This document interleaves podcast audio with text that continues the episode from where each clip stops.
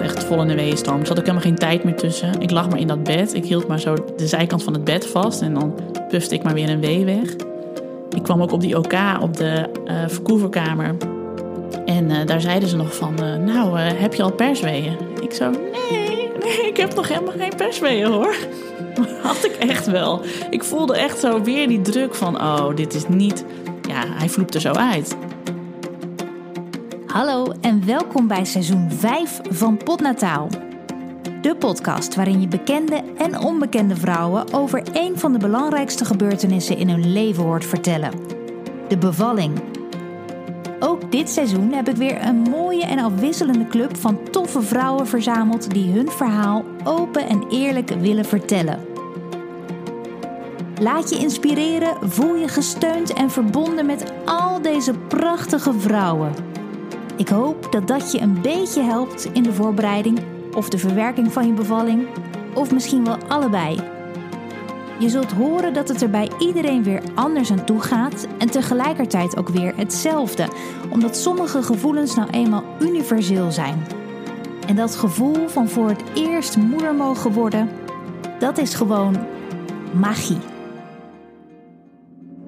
Ik ben Simone Wijnands, moeder van een zoon en een dochter en ik maak potnataal. En dit is het verhaal van Nienke. Ik ben uh, Nienke de Jong, ik ben 35 jaar, ik woon in Zwolle samen met Tom, dat is mijn man, en met drie kinderen. Janne van 4, Abe van 2 en baby Kees. En baby Kees is geboren op 24 juli 2020. En als ik niet voor mijn kinderen zorg, ben ik uh, podcastmaker. Ja, want Nienke moet je natuurlijk kennen van de podcast ik ken iemand die, dat is naast Potnataal de leukste ouderschapspodcast die ik ken. Dus mocht je die nog niet luisteren, zet hem op je lijstje, want het is een heerlijke podcast over alles waar je als ouders voor komt te staan op een hele nuchtere manier en met heel veel humor besproken.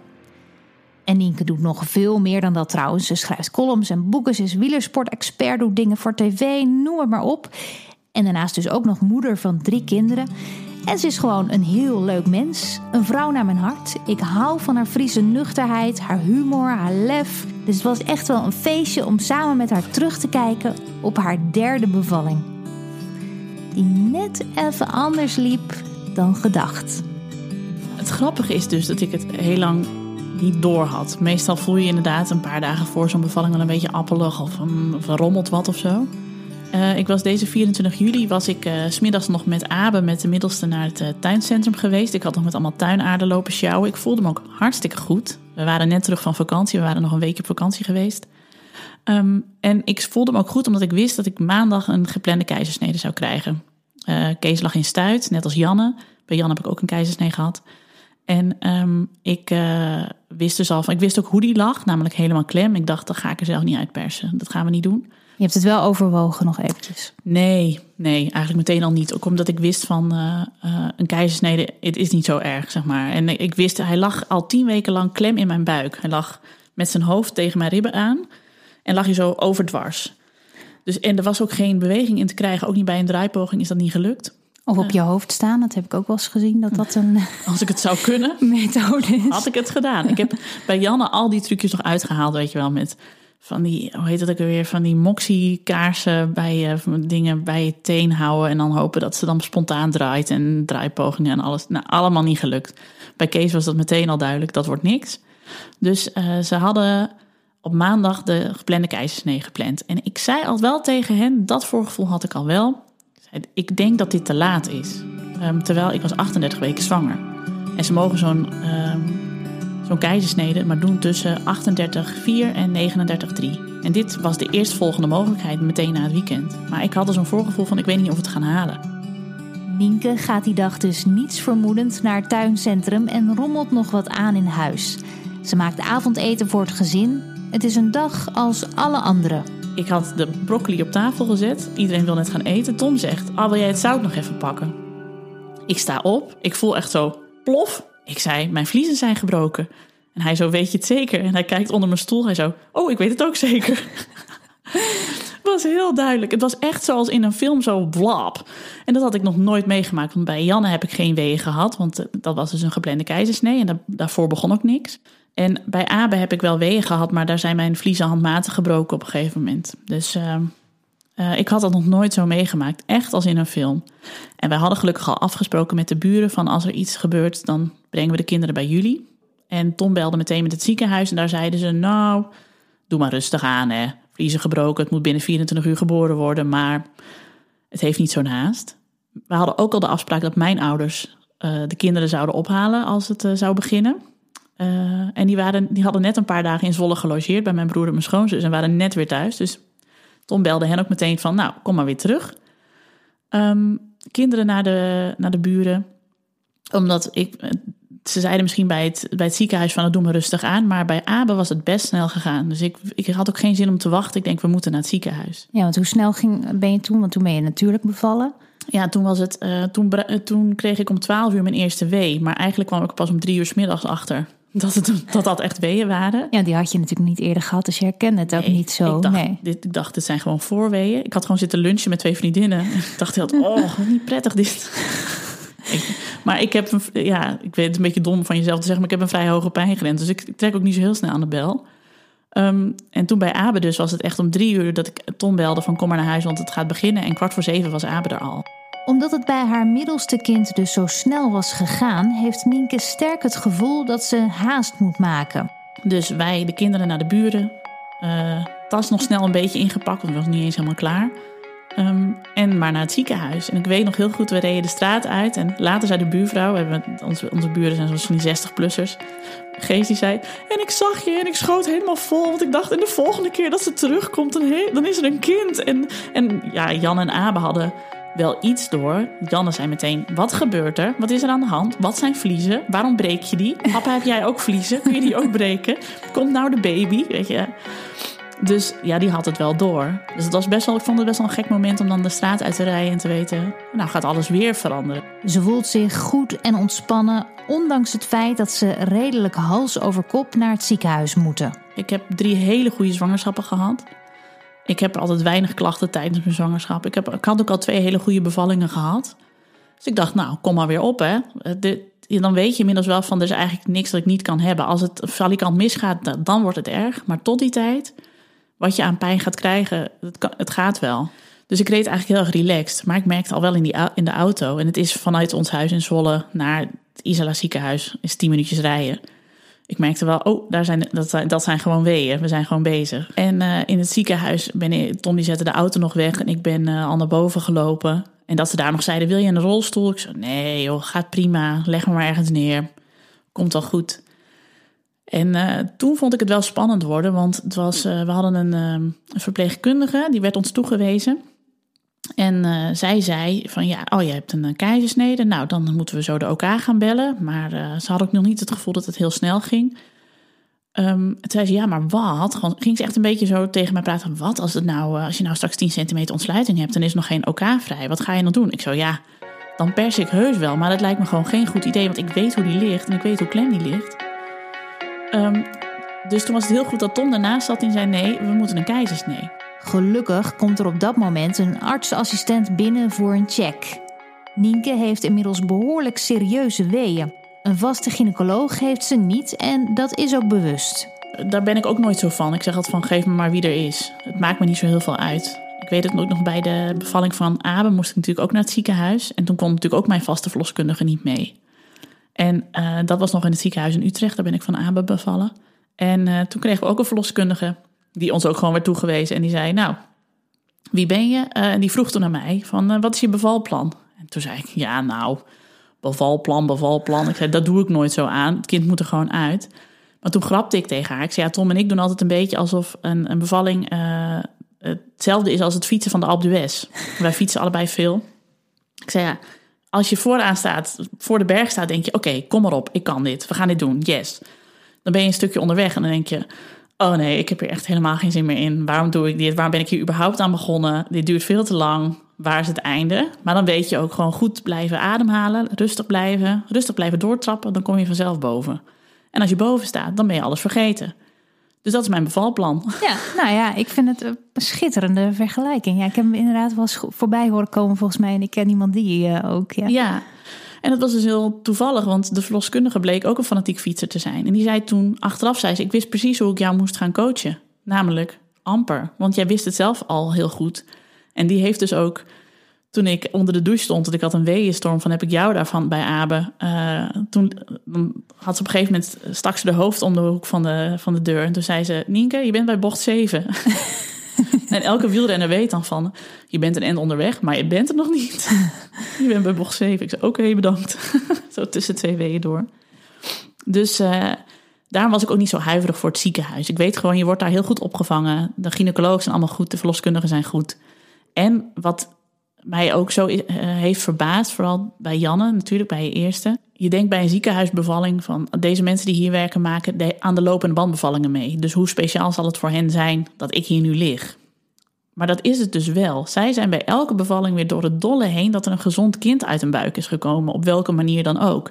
En het gaat hen aan het hart hoe het met jou gaat. En ze zijn er voor jou. Die persoonlijke aandacht, dat, die, die is zo groot en dat is zo fijn daar. Dat is, dat is niet, nou ja, bij, bij goede bevallingen is dat eigenlijk niet. Is het onderscheid eigenlijk niet tussen thuis bevallen met je eigen verloskundige en in het ziekenhuis bevallen met de verloskundige die je niet kent, omdat ze zijn net zo toegewijd en net zo lief voor jou.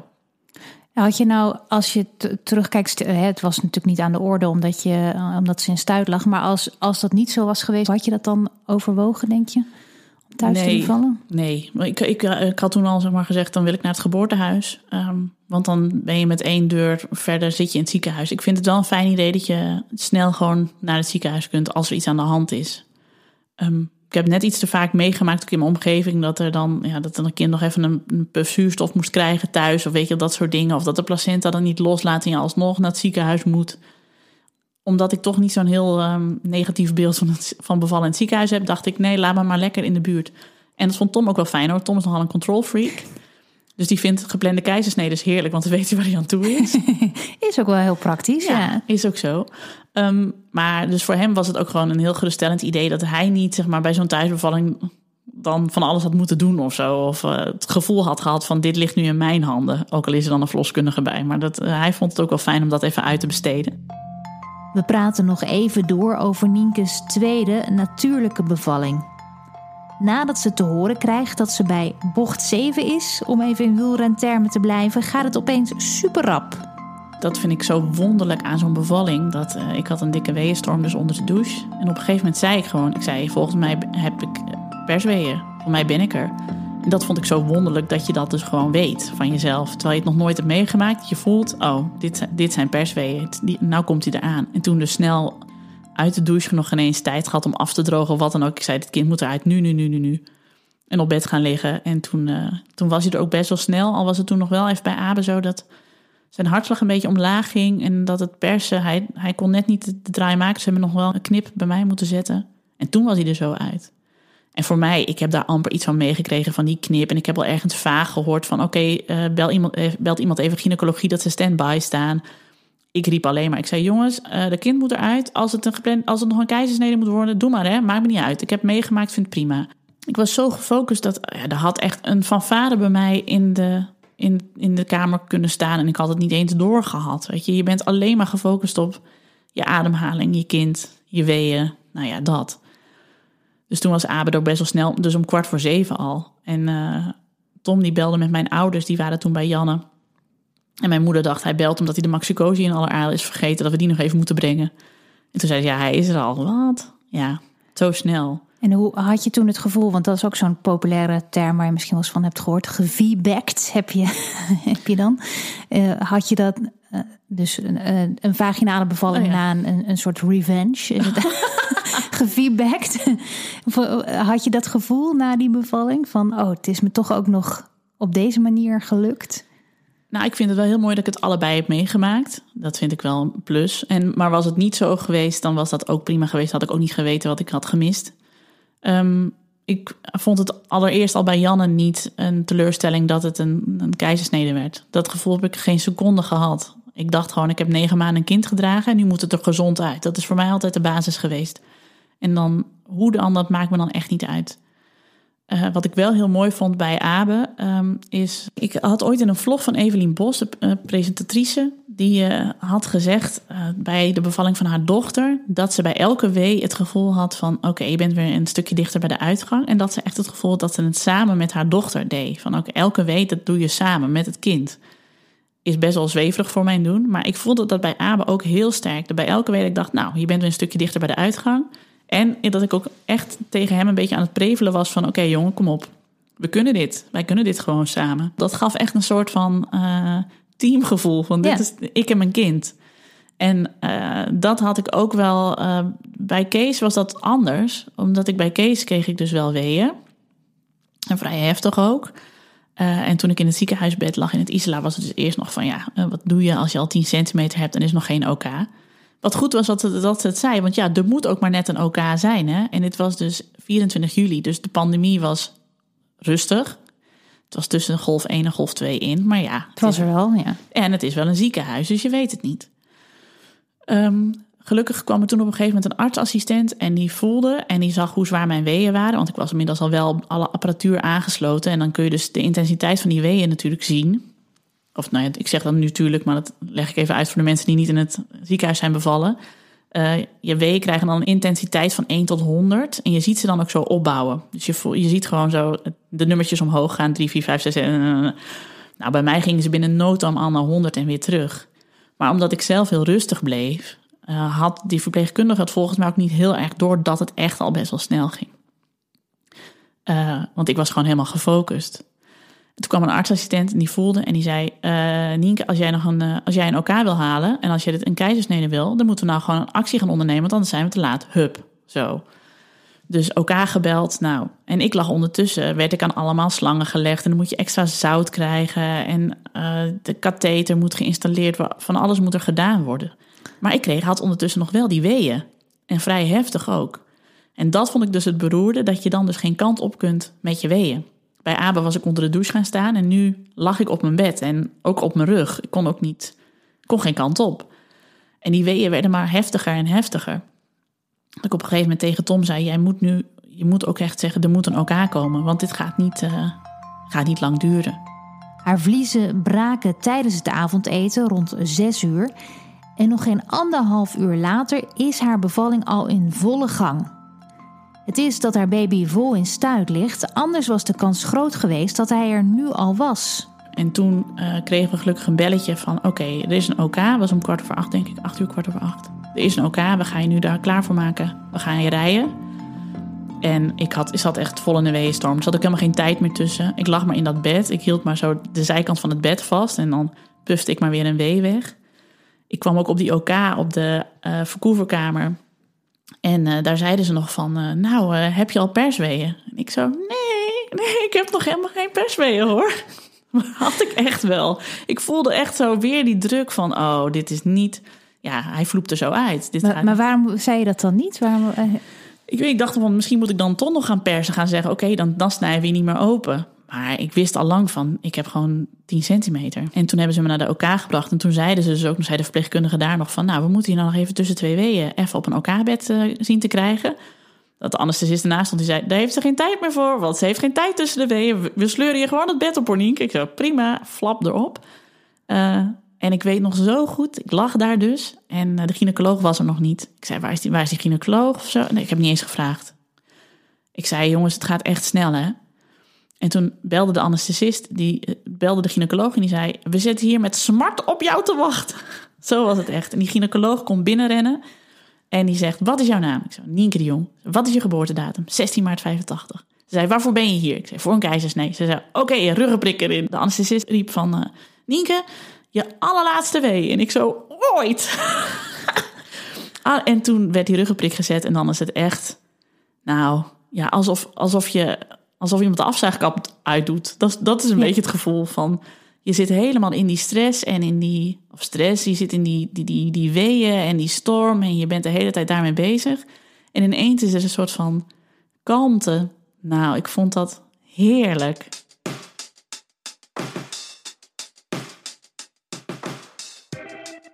De afzuigkap is uitgezet. Mooi moment om stil te staan bij de gloednieuwe sponsor die er dit seizoen is bijgekomen. En waar ik enorm trots op ben. Want deze sponsor is als een vis in het vruchtwater in deze podcast. Het gaat namelijk om geboortetens. Misschien heb je er wel eens van gehoord. Hij is ook al wel eens ter sprake gekomen in een aflevering van Potnataal. Geboortetens is een heel handig, ingenieus apparaatje wat je kunt gebruiken als een alternatieve pijnbestrijding tijdens je bevalling.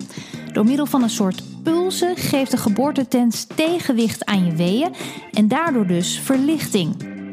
Het voordeel is dat je daardoor geen gebruik hoeft te maken van medicatie. Het is simpel in gebruik en je kunt hem overal mee naartoe nemen. En of je nu thuis of in het ziekenhuis bevalt, dat maakt niet uit. En de meeste zorgverzekeraars vergoeden hem ook nog. Ik zou wel weten als ik nu weer moest bevallen. Ga voor meer informatie naar geboortetens.nl. En dan gaan we nu snel weer verder met het verhaal van Nienke.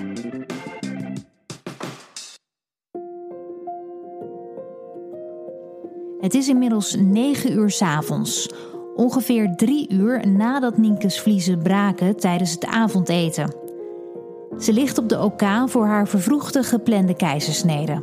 Dat haar baby in een onmogelijke positie lag, blijkt wel als de gynaecoloog hem uit haar buik tilt. En die kwam er dus ook echt uit met eerst een voet en toen nog een arm en ergens een hoofd. En het was echt een soort van kneksbouwpakket wat eruit kwam. En je zag ook meteen aan zijn hoofd dat hij tien weken lang klem had gelegen. Want hij, had, hij heeft echt nog steeds het raarste hoofd ooit. Het, is, trekt nu een beetje bij, nu hij een half jaar is.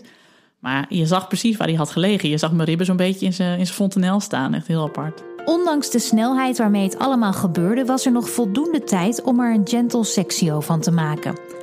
Ook krijgt ze de mogelijkheid om met een camera mee te kijken tijdens de keizersnee. Maar die camera staat gewoon op je vagina. Maar wel cool. Dat, Ja. dat zou ik, had ik wel willen zien. Tenminste, niet, niet per se van jou, maar van bij mezelf. Ja. Ik heb een. Ja. Nee, maar dat was dus. Je hebt natuurlijk altijd een verpleegkundige erbij die dan foto's maakt. Ja. Eh, ik had dus zelf ook live kunnen zien hoe er in mijn onderbuik gesneden werd. En dat vond ik toch wel een beetje bridge too far. Dus toen heb ik gezegd, nou, dat hoef ik niet te zien. Ik wil wel zien als hij eruit komt. Dus inderdaad met zo'n luikje in zo'n ehm, in zo'n kleed.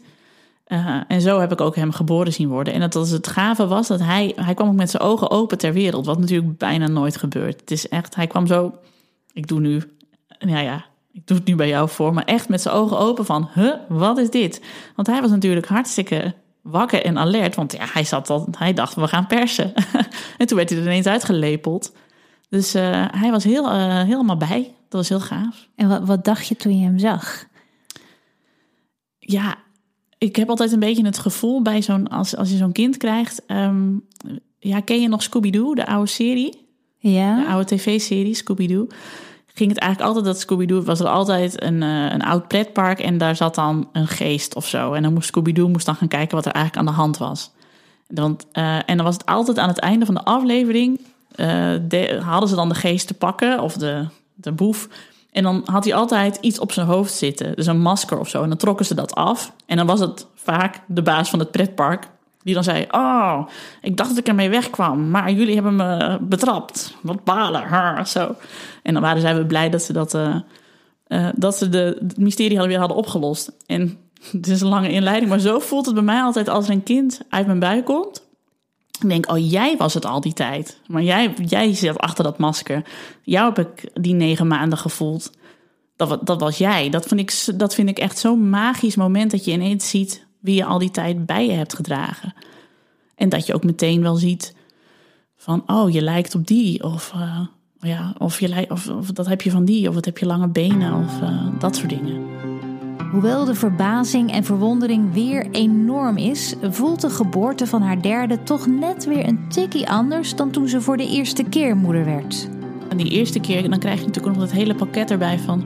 je bent ineens ouders, je bent ineens voor altijd met elkaar verbonden door dit kind. En dit kind is totaal afhankelijk van jou. En ik heb niet zoals veel moeders zeg maar, die eerste weken gehad van... oh my god, wat moet ik doen? Het voelde wel altijd meteen heel natuurlijk van... oké, nou, dan hebben we nu een kind.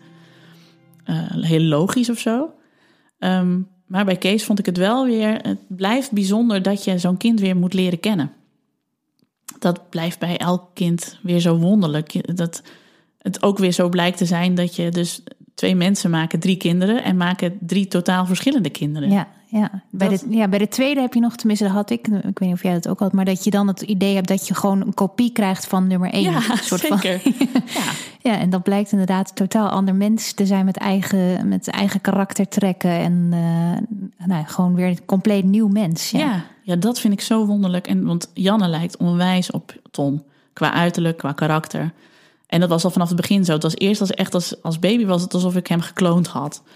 En eh Abe leek meteen heel erg op mij als baby. En is nu ook. ehm, dat is gewoon. Dat is zo'n ontzettende schootstra. Dat is de kant van mijn moeder.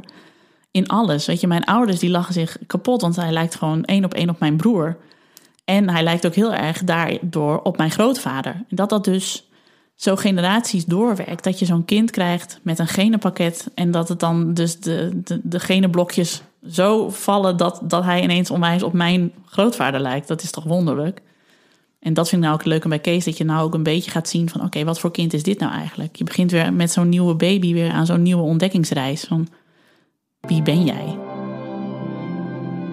Met deze derde bevalling kan Nienke drie totaal verschillende bevallingen op haar naam schrijven.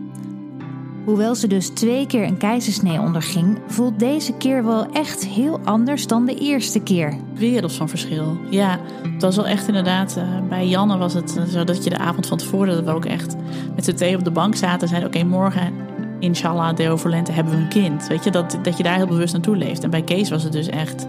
Ja, ik had eigenlijk al dus driekwart van een normale bevalling erop zitten. En ook al duurde dat maar heel, ging het heel snel. Het was wel driekwart van een bevalling en wel met die pittige weeën en een echte weeënstorm.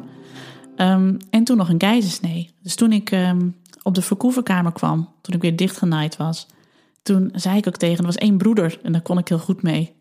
En ik zei, oh, ik lig zo te shaken. Hij zei, ja, maar weet je wel hoeveel adrenaline jij de afgelopen uren hebt aangemaakt? Het is niet normaal, hè? Ik zei, oh ja, dat is het ook.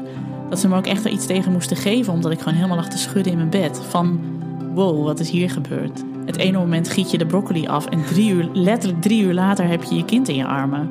En is er alweer een wereld. eh, ja, er is alweer zoveel gebeurd in die drie uur. En voor Janne was het ook heel fijn. Want Janne had ochtends nog gezegd van... Nou, ik, ze zei het letterlijk... Nou, ik ben er klaar mee. Nou moet hij gewoon komen. En ze had dus ook bedacht... Want ze wist van, we gaan eerst naar Paak en Beppe... En dan wordt de baby geboren. Ik zei, nee, ik zei, ja, zondag ga je eerst nog naar Paak en Beppe... En dan wordt de baby geboren. En dan mag jij me heel snel zien, hoor. En toen zei ze, maar wat als ik nou eerder naar Paken en Beppe ga? Wordt dan de baby ook eerder geboren? Ik zo, zo werkt het niet. Maar het was dus wel toen mijn vliezen braken... dat zij echt euforisch was van... nou gaat het beginnen, nou komt hij eraan. Dus alsof haar gebeden verhoord werden van... hè hè. Ja, zij zat al negen maanden op dat kind te wachten. Ze wist al heel snel dat ik zwanger was. Ze heeft het ook heel goed stilgehouden voor iedereen.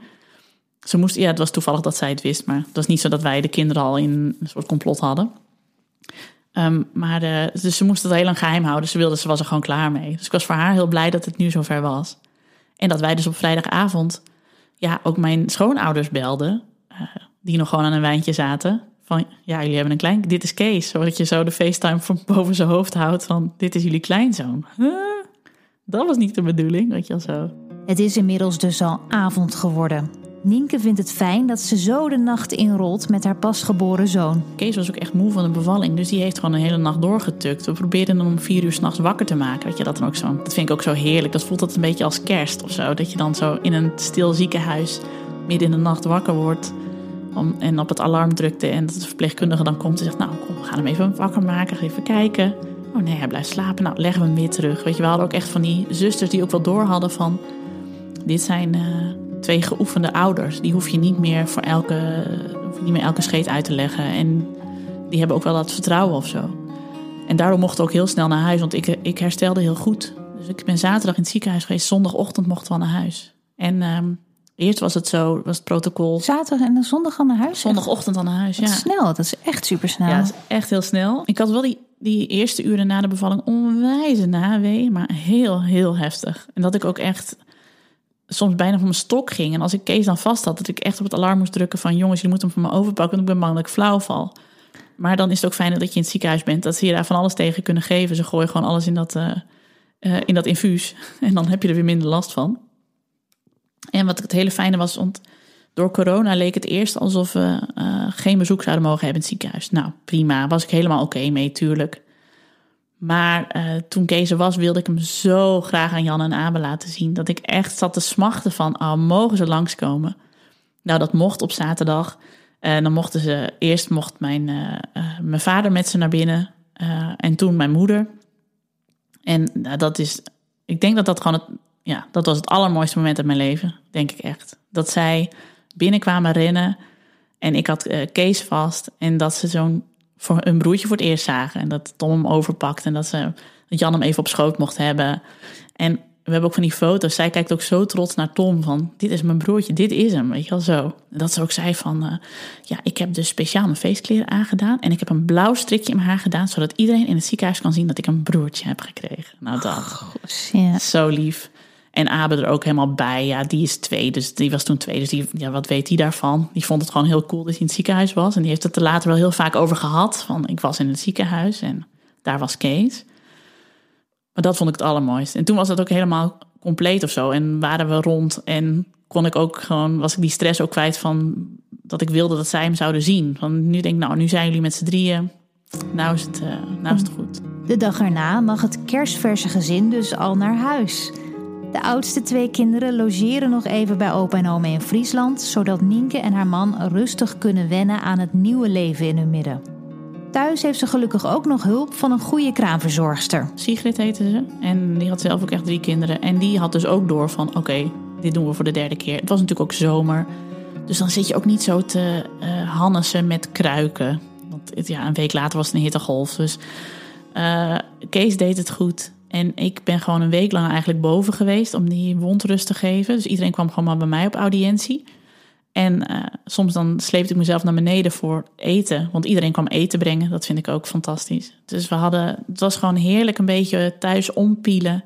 Een fantastische kraamverzorgster die, ja, gewoon dan, terwijl ik onder de douche was en het bed verschoonde en de, de hele kamer dwaalde. En dan was ik echt tien minuten later terug en dan was alles schoon. Ja, dat, dat voelt dan weer als zo'n heerlijke bubbel waar je er met z'n allen in zit. Met Kees gaat het hartstikke goed. Hij groeit als een malle. Hij is zo vreselijk groot. Hij was ook echt bij de bevalling al groot. Want hij is dus geboren met 38 in drie dagen. Was hij al bijna 4 kilo. En uh, echt lang, lange benen ook al. Nu is hij een half jaar oud en hij is uh, ruim 10 kilo. En hij is, uh, ik denk nu iets van 74 centimeter. Ja, dat is echt. Dat scheelt bijna niks met mijn dochter van 2,5. Die, die, is volgens mij ook zoiets. Ja, nee, ja. Die is, ja, Hij zit in maat 80, kledingmaat 80 en soms ja. wel 86. Omdat dan, het is gewoon echt een enorme jongen. En mijn moeder heeft nog de boekjes van ons consultatiebureau bezoek bijgepakt. Van mij en mijn broers. Want ik heb ook echt lange broers hoor. Maar zelfs mijn langste broer was niet zo lang. Dus dat belooft nog veel. Ja, misschien dat het op een gegeven moment dan een beetje bijtrekt. Een soort reus krijg je in huis. Ja, en hij is heel vrolijk en heel gezellig. En je hoort hem eigenlijk niet alleen als hij moe is of honger heeft. Maar hij is zo en hij is dol op reuring en gezelligheid. Dat heeft hij natuurlijk ook van dag één meegemaakt. Hij vindt alleen thuis vindt hij niks. Hij is ook de hele tijd op zoek met zijn ogen en zijn hoofd. Waar zijn mijn broer en mijn zus?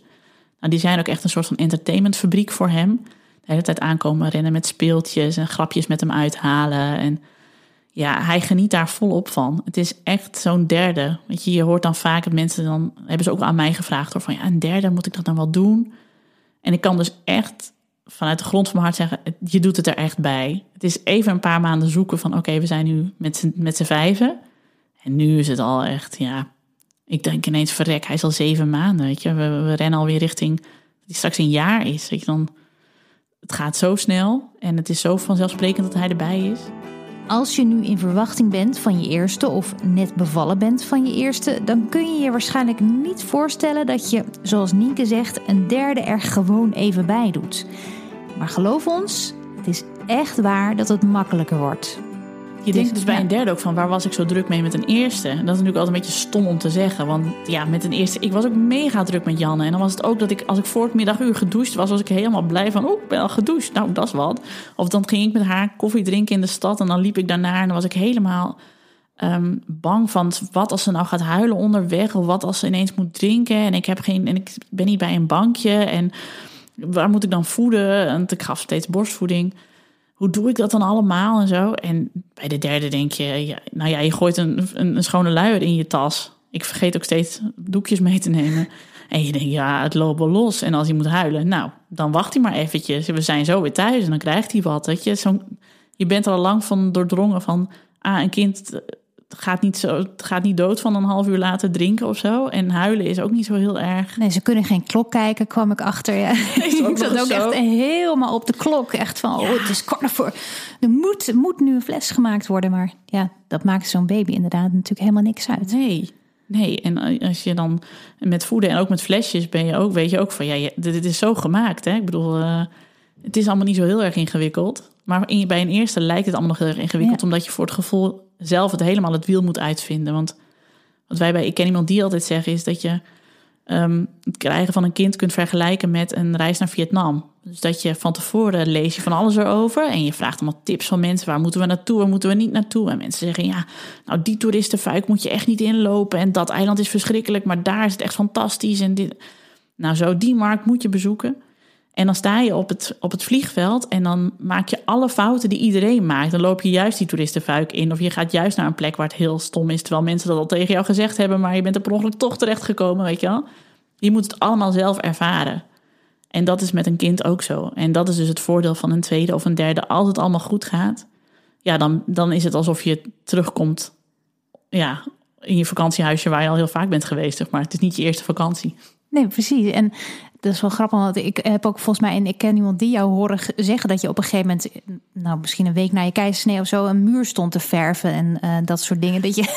Ja, dat was niet een week na mijn keizersnede. Allemaal dingen alweer aan het doen was. Dat je ja. denkt, hoe kan het? Ja. ja, dat was de eerste keer dat, de, dat de oudste twee weer waren, die waren aan het logeren bij mijn schoonouders. En we waren alleen met Kees thuis. En ik had nog verlof inderdaad. En toen ben ik gewoon weer een muur gaan schilderen. En dat uh, Alex en Hanneke en Anne, mijn vrienden van Ik Ken Iemand Die ook zeiden van ja Ga dan gewoon op de bank liggen. Je mag eindelijk weer. Je hebt drie kinderen. Het is vet hectisch thuis. Bla bla bla. Nou ja, ik vind het dan heel ontspannend om dan toch maar weer te gaan klussen. Dus ja, dat, uh, zo zit ik nou eenmaal in elkaar.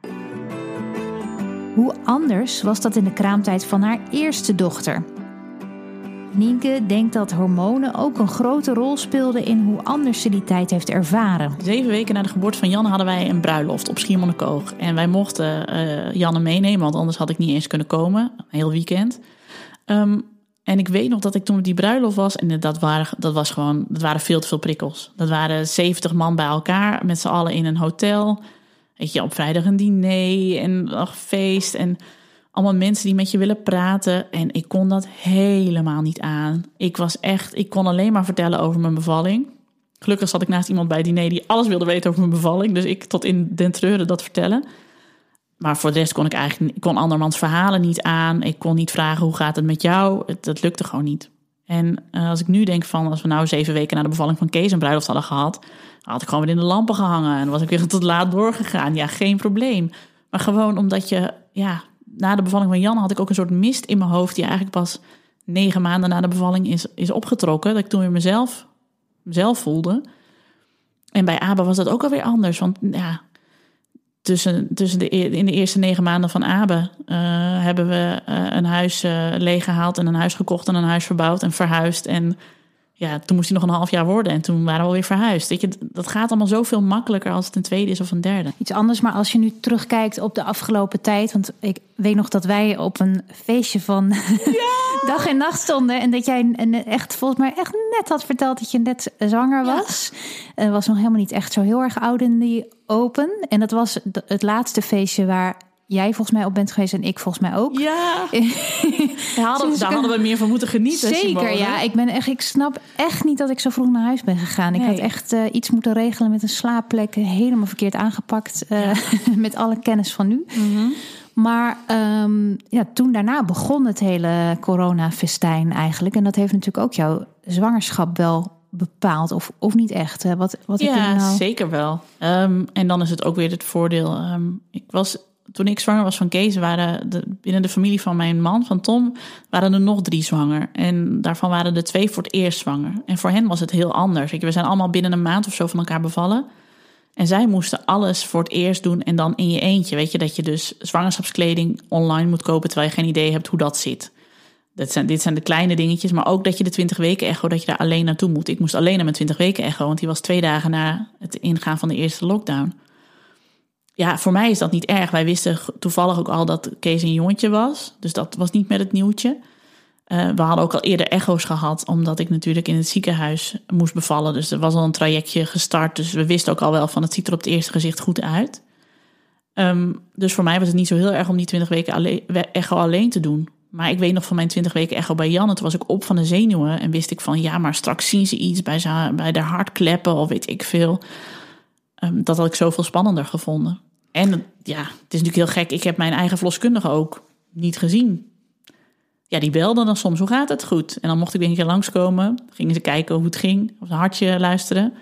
Ik denk dat ik twee keer bij de verloskundige praktijk ben geweest in die 40 weken. Gek hè? Ja, het is, ik kan me voorstellen, jij bent super nuchter en je hebt het al meegemaakt en daardoor zal dat je niet zo emotioneel geraakt hebben. Maar ik kan me wel voorstellen dat als je dit inderdaad allemaal voor het eerst meemaakt, dat het dan wel een, ja, een extra gevoel van, nou misschien wel rouw kan geven, omdat je niet de zwangerschap hebt gehad die je voor ogen kan ik me heel goed voorstellen. En ik heb het wel gehad, dat is het gekke, dat ik uh, maanden later, in oktober, toen was het dus ook even geen lockdown. Toen was ik met Janne op meidenweekend naar Utrecht. Dat had ik haar beloofd, van als ik klaar ben met borstvoeding gaan we op meidenweekend. We sliepen een nachtje in een hotel en we gingen samen uit eten bij de Spaghetteria in Utrecht. En we zaten daar en uh, ik zag daar waren jongens en die gingen daar met elkaar eten. En die probeerden op anderhalve meter te zitten, maar ze hielden zich er totaal niet aan. En ze knuffelden elkaar ook. En dat ik toen s'avonds in, in, in mijn hotelbed daar zo kwaad van werd, dat ik dacht, ja, hey, wat is dit? Jullie knuffelen elkaar. Dit is de reden waarom we over een paar weken weer in een lockdown zitten, omdat jullie niet van elkaar af kunnen blijven. En ik heb niet eens, mijn ouders hebben mij niet eens gezoend bij de geboorte van mijn zoon. Mijn ouders zijn altijd op anderhalve meter afstand gebleven, ook toen ik in een ziekenhuisbed lag, dat ze naar me zwaaiden en zeiden gefeliciteerd. En dat ik zei, dit is Kees. En die mochten ze Kees al vasthouden.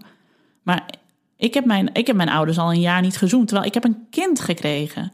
Hoe, wat geeft jullie het recht? Daar werd ik zo kwaad. Wat geeft jullie het recht om elkaar wel te knuffelen? Heb je een kind gebaard? Nee? Nou, fik het thuis dan. Blijf maar van elkaar af. Wat is dit? Daar was ik, toen was ik ineens nog kwaad zeg maar, om iets wat dus maanden geleden was gebeurd. Ondanks dat en de gekke tijd waarin we leven, overheerst het geluksgevoel bij Nienke.